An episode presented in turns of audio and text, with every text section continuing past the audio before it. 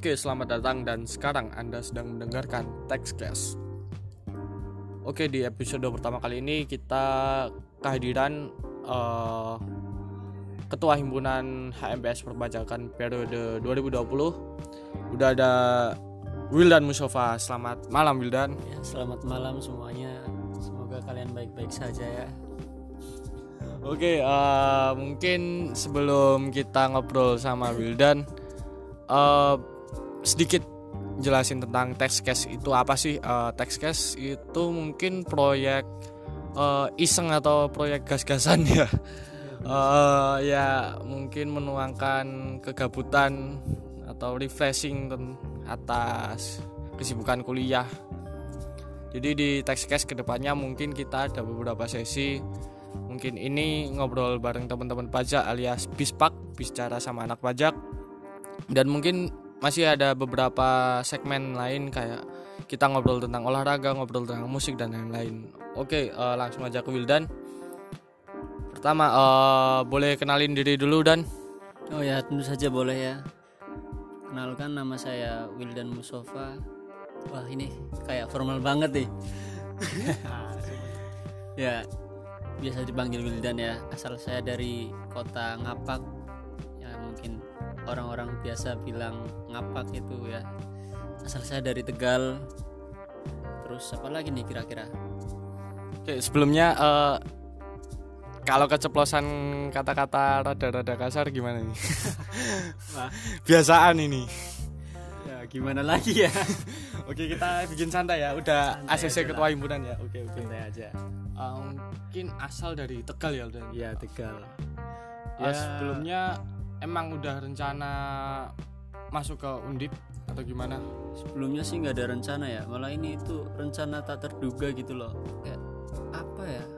Nggak pernah mimpi sebelumnya masuk undip itu. Hmm, kalau rencana awal dulu milih kuliah uh, sebenarnya passionnya kalau orang-orang bilang passion tuh sebenarnya pengen ke mana sebelum masuk ke pajak sendiri ya dulu tuh aku itu sempat bermimpi untuk masuk IPDN anjay. IPDN ya kurus-kurus gini dulu sempat mas mimpi masuk IPDN tapi sayang ya belum rezekinya. Dan banyak kekurangan-kekurangan yang tidak bisa ditutupi. Ya ya ya oke ya. oke uh, kalau Tegal bicara sama bicara soal Tegal uh, yang khas dari Tegal biasanya apa sih? Selain ngapaknya. Di Tegal tuh khasnya itu tahu aci. Wah itu kalau main ke Tegal tuh tahu acinya wah mantap tahu aci tahu tahu goreng. Ya tahu goreng. Di sini mungkin ada tahu aci tapi nggak se mantap di Tegal itu. Kalau di Tegal tuh tahunya empuk acinya acinya aci. Acinya kenyal kenyal gimana gitu. Uh, ada kenyal tapi bukan tahu aci. Nah, apaan tuh oke oke. Ah itu uh, mungkin salah satu yang udah sering orang dengar dari Tegal itu apa pemandian? Ah, ah. iya itu ada pemandian air panas tuh. Namanya itu Guci ya. Jadi kalau sana itu tempatnya di dataran tinggi. Habis itu kita masuk ke gerbang sana tuh bebas tuh banyak kolam renang. Ada juga yang pancuran. Mungkin kalau nama asingnya itu curug ya curug okay, itu okay, ada okay. curug. Banyak banget itu di sana curug. Lah berarti modelnya seperti pemandian alam ya? Ya Maksudnya, eh, pemandian bukan, alam. buatan. Ya pemandian alami itu ada ya ada yang buatan juga yang kolam renang itu yang mungkin agak mahal harganya itu ya kalau mau rada bersih juga ya ke sana kolam renang itu. Kapan-kapan main lah ayolah. Oh, boleh boleh. Sana lah. Kalau ada ongkos oke okay, baik baik. Okay. uh, mungkin bicara tentang Wildan kita juga mindsetnya mungkin uh, seseorang yang sudah berkecimpung lumayan lama di himpunan pajak itu sendiri. Nah boleh nggak dan uh, cerita sedikit tentang track record kamu di himpunan dulu masuk himpunan karena apa terus mungkin di himpunan selama ini menjadi apa dan telah bekerja apa aja di himpunan ya mungkin awalnya itu berangkat dari ini sih uh, ketidakseimbangan aku di bidang akademik ya. Hmm. dari situ aku ngerasa kayak wah ini bukan aku banget nih. Aku harus cari sesuatu yang mungkin bisa menyeimbangkan ya mungkin dengan cara organisasi ini. Ya mungkin juga dari situ aku mulai mendaftar aku daftar di bidang PSDM PSDM sama Mikat waktu itu kalau nggak salah. Nah akhirnya sampai uh, pengumuman oprek itu aku keterima di PSDM waktu itu masih ada divisi internal sama eksternal. Nah aku itu masuk di divisi internal. Situ ada prokernya upgrading terus dan lain-lain lah pokoknya lah. Mungkin uh, itu aja sih maksudnya berangkat kenapa aku pengen himpunan itu ya karena itu tadi. Ketidakseimbangan tadi ya? Ya ketidakseimbangan itu dan pengen mencari ya cari-cari apa sih namanya itu. Ya untuk mengisi waktu luang juga sih mungkin. Tapi setelah di himpunan waktunya banyak yang nggak luang. Justru malah wah parah sih. Enggak sih. Asal kita jalani ya, dengan salah, salah. senang dan ikhlas ya it's okay Oke, eh, mungkin kalau di PSDM sendiri tadi bilang ada internal eksternal secara garis besar perbedaan eksternal dan internal di PSDM di HMPS perpajakan itu seperti apa? ya kalau PSDM eksternal tuh lebih ke mungkin lebih ke kaderisasi untuk adik-adik tingkatnya sedangkan kalau PSDM internal itu lebih ke sumber daya mahasiswa di lingkup internal kepengurusan itu. Nah mungkin di tahun periode ini tidak ada lagi divisi tersebut karena PSDM di periodeku ini ya cuman satu PSDM satu bidang itu. Hmm, satu Dan- divisi PSDM ya satu bidang divisi. Sedangkan yang internal itu nanti dipegang sama pengendali internal seperti itu Oke, berarti secara garis besar emang seperti pada umumnya eksternal untuk kepentingan eh, di luar tubuh himpunan itu sendiri dan di eh, internal untuk eh, berkecimpung di apa ya eh, memper me- apa bahasanya eh, berkecimpung di dalam Di tubuh. dalam, ah, Oke, dulu di PSDM sebelum jadi ketua ya ini eh, pernah jadi ketua panitia atau pernah megang proker apa? dulu itu awal banget megang proker upgrading itu. Jadi pas first gate itu sempet kaget juga sih.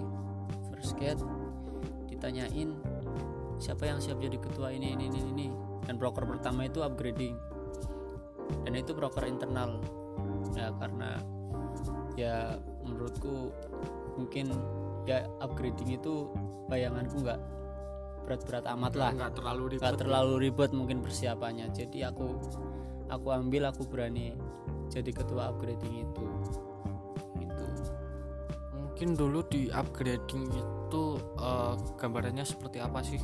Maksudnya kamu dulu kan katanya kaget kan baru masuk langsung ditunjuk. Nah kalau gambaran dan kegiatan upgrading kemarin yang kamu pegang itu seperti apa upgrading itu lebih ke eh, kegiatan yang ibaratnya itu me- mengupgrade kamu dari masa SMA menuju ke tingkat yang lebih yang lebih tinggi lagi gitu loh. Oh, oke. Eh, mungkin ibarat masa peralihan ya Nah, eh, iya. membantu masa ya masa-masa transisi masa peralihan itu. Transisi. Nah, tapi di di situ itu isinya cuman ya seneng-seneng perkenalan eh, kepengurusan lebih biar lebih intens gitulah. Berarti boleh dikatakan upgrading sendiri seperti eh, wadah welcoming event ya, atau bisa welcoming jadi itu party. welcoming buat kepengurusan yang baru juga.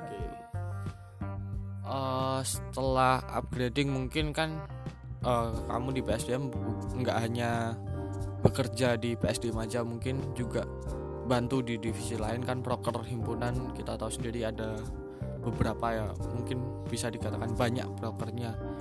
Nah selama ini di PSDM terus di himpunan sendiri suka dukanya seperti apa sih? Sukanya dulu apa? Dukanya dulu seperti apa? Sukanya sih tentu saja kita bisa berproses ya. Kita bisa bermanfaat untuk orang banyak untuk orang sekitar. Dan kita juga eh, bertambah relasi. Kalau dukanya sendiri banyak sih ya dukanya. Tapi ya tertutup sama sukanya itu jadi tidak terlalu ya bisa tertutup lah dukanya itu. Ya mungkin dukanya apa sih? Kita mungkin waktu kita terbuang tapi kan untuk hal yang bermanfaat. Jadi ya ya senang-senang aja sih ya mungkin lebih uh, banyak terforsir ya waktunya Nah, kalau iya. di himpunan ya mau nggak mau Agak- sih ya mau nggak mau itu bagian dari resiko Oke, eh, udah di himpunan lama. Eh sebelumnya gini dulu, eh pertama kali masuk ke himpunan itu izin orang tua atau izin keluarga dulu, baru masuk, baru daftar atau udah keterima dulu baru izin orang tua. Eh, kalau aku sendiri sih tipe orang yang tidak terlalu apa ya tidak terlalu bermanja-manja dengan orang tua gitu loh. Kayak misal aku mau ngelakuin apa aku nggak pernah nggak melulu harus izin orang tua. Termasuk kemarin pas himpunan mungkin aku nggak izin dulu langsung daftar itu keterima jarang pulang nih jarang pulang ke Tegal. Kok jarang pulang? Tanyain. Biasanya semester 1 pulang terus. Ya baru aku jelasin gini gini gini. Udah ikut organisasi dan lain sebagainya. Gitu. Oke, berarti keba- seperti kebanyakan cowok berprinsip lebih baik minta maaf daripada Asik. minta izin. oke itu prinsip prinsip Iya, semua cowok. Eh, nyambung tadi udah kira-kira satu tahun ya di himpunan ya satu tahun kurang lebih. Satu tahun. dan di periode baru ini kemarin sempat mencalonkan diri atau dicalonkan diri sebagai ketua himpunan.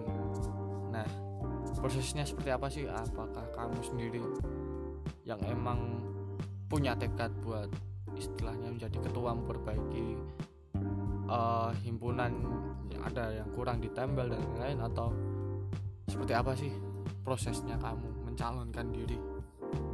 prosesnya tuh ya mungkin karena yang Dipaksa. nggak dipaksa juga sih kayak karena dorongan dari teman-teman sekitar aja sih kayak ayolah maju ketua jadi ketua majulah nyalonin lah nah, itu tuh sempet bingung sih akhirnya cerita ke beberapa temanku gimana nih anaknya apa mau mau maju atau enggak. Kalau aku maju itu kalian pada siap mendukung enggak gitu. Mendukung dalam arti ketika nanti sudah menjadi itu nggak lepas tangan gitu aja. Dalam arti tetap membantu satu sama lain. Bukan hanya memenangkan pada Nah. saat pemilihan tapi Benar memenangkan pada goals eh, pada terakhir ya, nanti periode tujuan. itu. Nah, sampai akhirnya eh, benar-benar dipikirin matang-matang akhirnya ya ya Bismillah lah maju jadi nyalon jadi ketua itu Nah, s- kalau dari keluarga sendiri nyambung seperti tadi, eh, terlepas dari minta izin atau minta maaf itu, mendukung nggak kamu jadi ketua himpunan? ya keluarga mendukung mendukung aja sih malah kaget ya kayaknya Hmm. karena tuh sebenarnya di rumah tuh aku pendiam loh orangnya. Asli pendiam banget. Introvert. introvert parah sumpah. Ya terus uh, aku pas mau maju kemarin izin sih maksudnya. Minta restu. minta restu lah. gimana? Terus katanya ya nggak apa-apa silahkan asal kuliahnya nggak ketinggalan. Sebenarnya dari semester 1 ketinggalan. Sudah ketinggalan sudah banyak. ketinggalan banyak.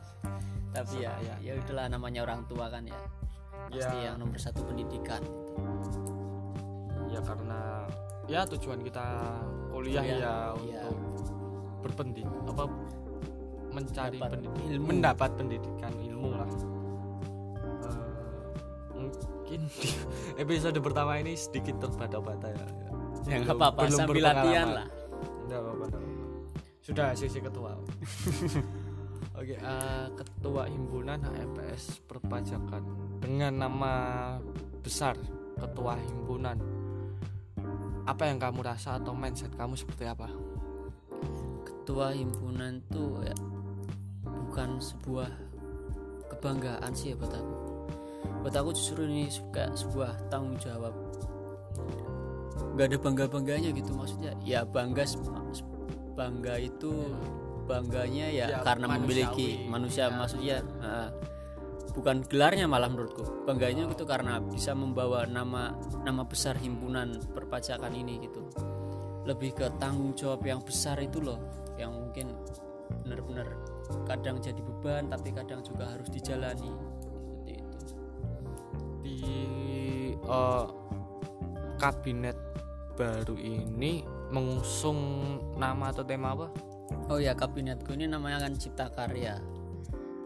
Jadi Cipta Karya ini mungkin aku mikirnya kalau wah kita anak muda ini sudah waktunya itu untuk menciptakan karya. Nah jadi gimana caranya kita nanti kerja itu orientasinya itu untuk penciptaan sebuah karya gitu. Karena karya itu nggak melulu soal musik nggak melulu soal sastra. Bener bener bener karya itu kan hasil dari sebuah proses yang panjang seperti itu. Nah apalagi notabene di kampus peleburan tercinta. Nah eh, terlihat em, mati suri mungkin atau gersang mungkin. gah mungkin lebih tepatnya gersang gitu. Mungkin ya saya sendiri juga berpandangan kayak bagaimana sih caranya kita mengubah mindset teman-teman? Nah ya. sekali itu. Pernah juga saya membaca mendengar dari salah satu orang di Twitter atau di apa lupa Mm-mm. Pidi Baik kalau nggak salah dulu itu eh, kampus itu nama kampus itu besar karena mahasiswanya tapi Nah, iya. sekarang mahasiswa namanya pengen besar karena nama Karena besar besar kampusnya, kampusnya. Nah, mungkin mindset itu sedikit salah nah itu harusnya kita yang membawa perubahan di Nah. kampus tersebut itu Cip- kabinet cipta karya. Mungkin dari eh, namanya udah kelihatan mungkin barusan juga dijelasin menciptakan sebuah karya. Baik eh, di karya seni karya olahraga ataupun di akademik sendiri. Nah mungkin masuk ke logo kabinetmu sendiri. Bisa jelasin itu kan kayak apa? Eh, serigala tapi bawahnya tuh kayak daun atau apa? Nah ya. Mungkin bisa dijelasin kenapa sih ada penggabungan antara serigala dan daun? Kenapa milih serigala memilih daun? Eh, ceritanya seperti apa dan maknanya itu apa? Ya kenapa aku milih serigala untuk logo kabinet ya? Karena dipikir-pikir serigala itu hewan yang wah sangar nih. Sangar terus juga ya banyak filosofinya tentang serigala itu. Kayak ketika dia berburu tugas-tugasnya sudah jelas. Ada yang di depan ada yang di tengah dan ada yang di belakang. Dan masing-masing itu mempunyai tugas sendiri gitu. Dan ya serigala terkenal juga dengan hewan yang pemberani. Ya aku harapannya eh, esok nanti kelak kabinetku ini jadi kabinet yang kompak dan bekerja sesuai dengan pada porsinya dan juga saling mendukung satu sama lain. Dan di bawahnya itu ada gambar daun. Daun itu sebagai eh, mungkin sebagai wadah ya wadah aspirasi buat mahasiswa sendiri untuk mengungkapkan saran kritik dan lain sebagainya. Dan juga untuk sarana untuk kita berkarya itu sendiri tadi. Seperti itu mungkin filosofinya. Oke, eh, barusan udah dijelasin filosofi atau makna dari logo kabinet cipta karya ya. ya Oke. Nah, ke depannya Wildan sendiri sebagai ketua, sebagai inisiator mungkin eh ke depannya struktur organisasi seperti apa sih? Mungkin ini rada bahasnya rada formal ya. Mungkin secara garis besar aja lah. Kan biasanya juga eh, notabene kepengurusan tuh ya seperti itulah kepeng, apa struktur organisasinya. Iya. Kalau di Wildan sendiri pengen bawa seperti apa sih atau warna baru apa yang bakal Wildan bawa? ya mungkin nanti yang sempet aku singgung pas awal tadi dalam struktur nanti mungkin ada yang baru itu eh, pengendali internal ya jadi ntar PPH pengendali internal baru bidang-bidang Jadi eh, pengendali internal lu eh, setara dengan BPH atau gimana? pengendali internal mungkin nanti di bawah PPH yang membantu mengawasi eh, controlling eh, controlling, sis- controlling ya. fungsi controlling ya. fungsi controlling menjalankan fungsi controlling kepada enam bidang yang ada di bawahnya itu Oke, untuk eh, bidang-bidang yang lain mungkin bisa disebutin apa aja dan eh, sekilas job desk per bidangnya seperti apa? Ya dari yang pertama ya PSDM PSDM itu jelas kaderisasi. Terus ya semua yang berhubungan dengan kaderisasi itu pasti dipegang PSDM kemudian ada akademik. Akademik itu berhubungan dengan eh, akademik itu sendiri. Namanya juga akademik kan. Ya, mungkin nanti mengendal tentang ya tentang lomba-lomba lomba-lomba yang berhubungan Yang dengan akademik. berkaitan dengan Nah, akademis. iya itu.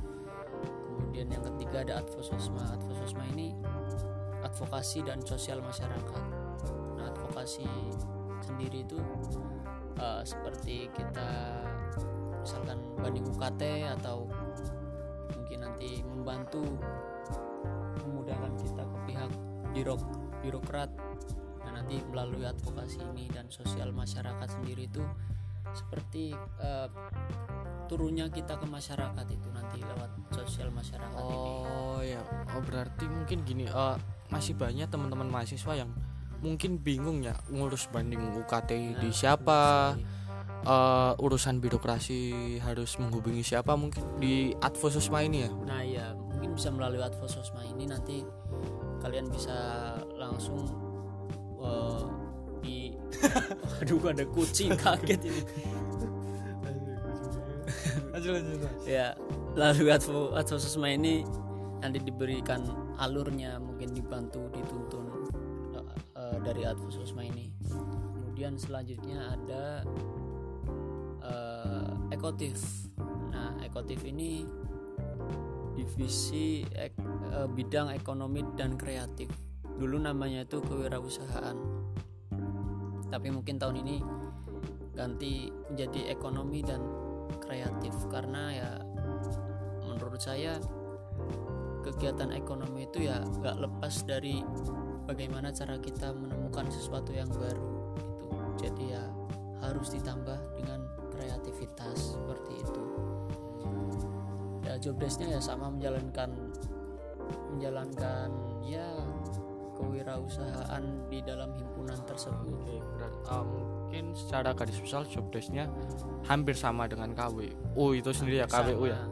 Tapi ya mungkin melihat eh, pertumbuhan atau modernis- modernisasi sekarang ekonomi nggak melulu soal uang ya KWU maksudku nggak melulu soal cari uang yang notabene gitu-gitu aja soalnya kita juga mahasiswa dan Nah, kembali lagi ke nama kabinet cipta karya ya Nah, berarti benar. Harus ada sesuatu inovasi Nah. dari sebelumnya. Harus ada something new lah beratnya something. Something new. Terus kemudian eh, mikat ya. Iya mikat. Nah mikat ini minat dan bakat. Mungkin nanti yang mewadahi minat dan bakat mahasiswa perpajakan maupun adik-adik akuntansi perpajakan. Terus minat bakat ini ada divisi oh nggak divisi sih. Job desknya itu ada seni dan olahraga. Jadi nanti untuk yang berminat bisa menghubungi kakak-kakak mungkin agar bisa disalurkan hobinya oleh kakak-kakak nanti. Oke, ah, juga dengar-dengar juga eh di mungkin di yang di bawah eh membawahi membawahi apa di bawahi mikat ya? Futsal futsal itu futsal di di bawahi bawahi mikat. mikat. Nah, futsal dari pajak sendiri juga ya di- cukup diperhitungkan di undip sendiri.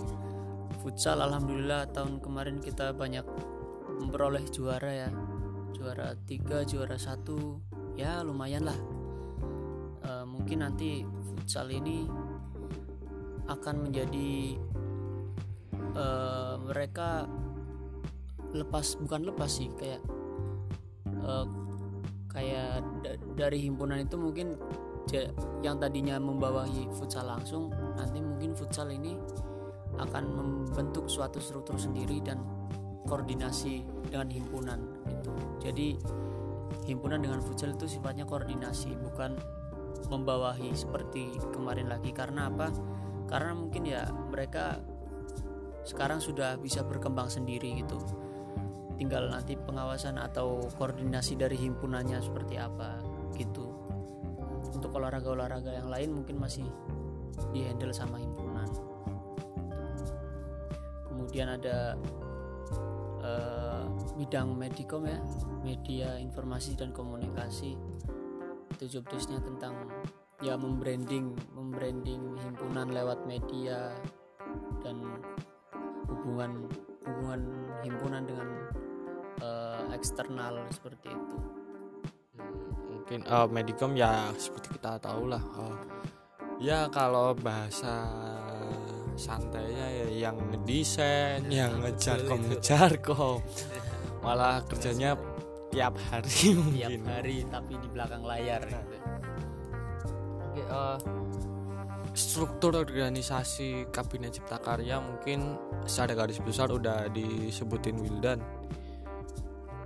Eh untuk plan ke depannya sendiri di kabinet cipta karya atau di himpunan sendiri kan udah jelas nih cipta karya. Karya apa yang bakal diciptain atau inovasi apa sih? Mungkin ya nggak bisa langsung inovasi gede tapi mungkin ada nggak sih inovasi-inovasi kecil kayak yang bakal dibuat di periode ini. Ya mungkin ke depan kita akan memaksimalkan dunia digital ini yang perkembangannya benar-benar pesat banget nih jangan sampai kita tertinggal dari dunia digital itu. Mungkin ke depan salah satunya ini podcast podcast ini. Ini bagian dari inovasi kita atau kreativitas kita menemukan sesuatu yang baru gitu. Dan mungkin selain podcast ini nanti kita akan ada konten-konten menarik kita akan menghidupkan sosial media kita. Mungkin inovasi-inovasi tentang ya ada memanfaatkan bakat-bakat anak-anak pajak atau akuntansi pajak juga mungkin nanti.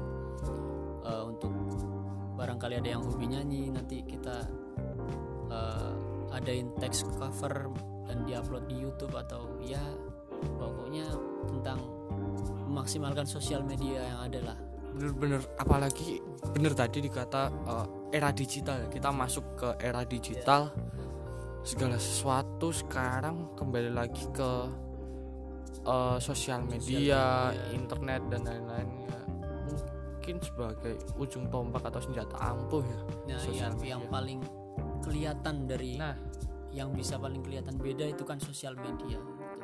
Karena orang-orang sekarang udah melihatnya langsung ke sosial media lebih banyak ke visual Nah, ya karena ya gimana lagi kita ngikutin tuntutan zaman kan. Tuntutan era yang eranya sekarang udah serba digital lah.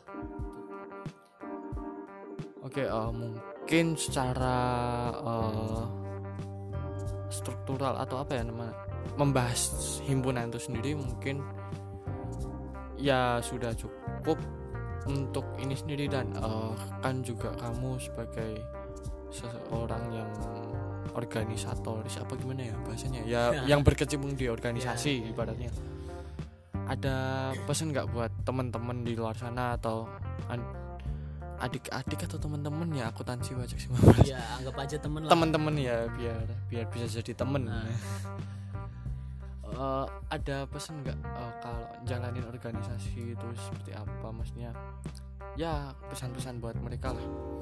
Ya untuk teman-teman pajak dan akuntansi perpajakan ya mungkin yang terkhusus yang sudah kemarin sudah masuk dalam oprek himpunan perpajakan maupun oprek himpunan akuntansi ya mungkin di sini tempat kalian belajar ke depan mungkin bakal kalian bakal ngadepin proker-proker yang eh, gak segampang itu mungkin prosesnya. Eh, ke depan juga kalian harus harus ikhlas jalaninya. Ya jangan banyak sambat.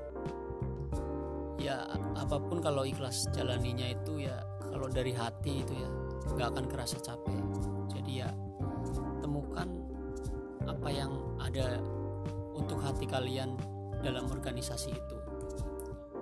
Bener eh, saya aku aku saya saya sendiri eh, pernah ini juga sih dapat wejangan atau dapat quote sih. Kalau kita menjalankan sesuatu dengan cinta karena ketika kita menjalankan sesuatu dengan cinta apa pun akan kita lakukan. Nah, Asik. sih, budak cinta banget ini. Bucin Bucin.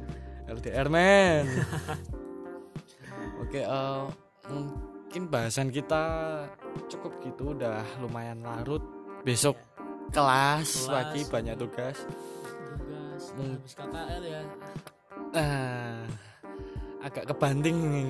kemarin seneng seneng kakak langsung masuk kuliah banyak tugas. Eh, mungkin untuk episode perdana text cast kali ini di segmen Bispak bicara sama anak pajak. Mungkin cukup sekian Eh, mohon maaf untuk audio dan efek-efek lain karena kita memang keterbatasan hardwarenya kita dan software. Ya mungkin ini bentuk kerintisan awal kita. Mungkin semoga ke depannya eh, sarana prasarana kita untuk berkarya lebih bisa kita perbaiki.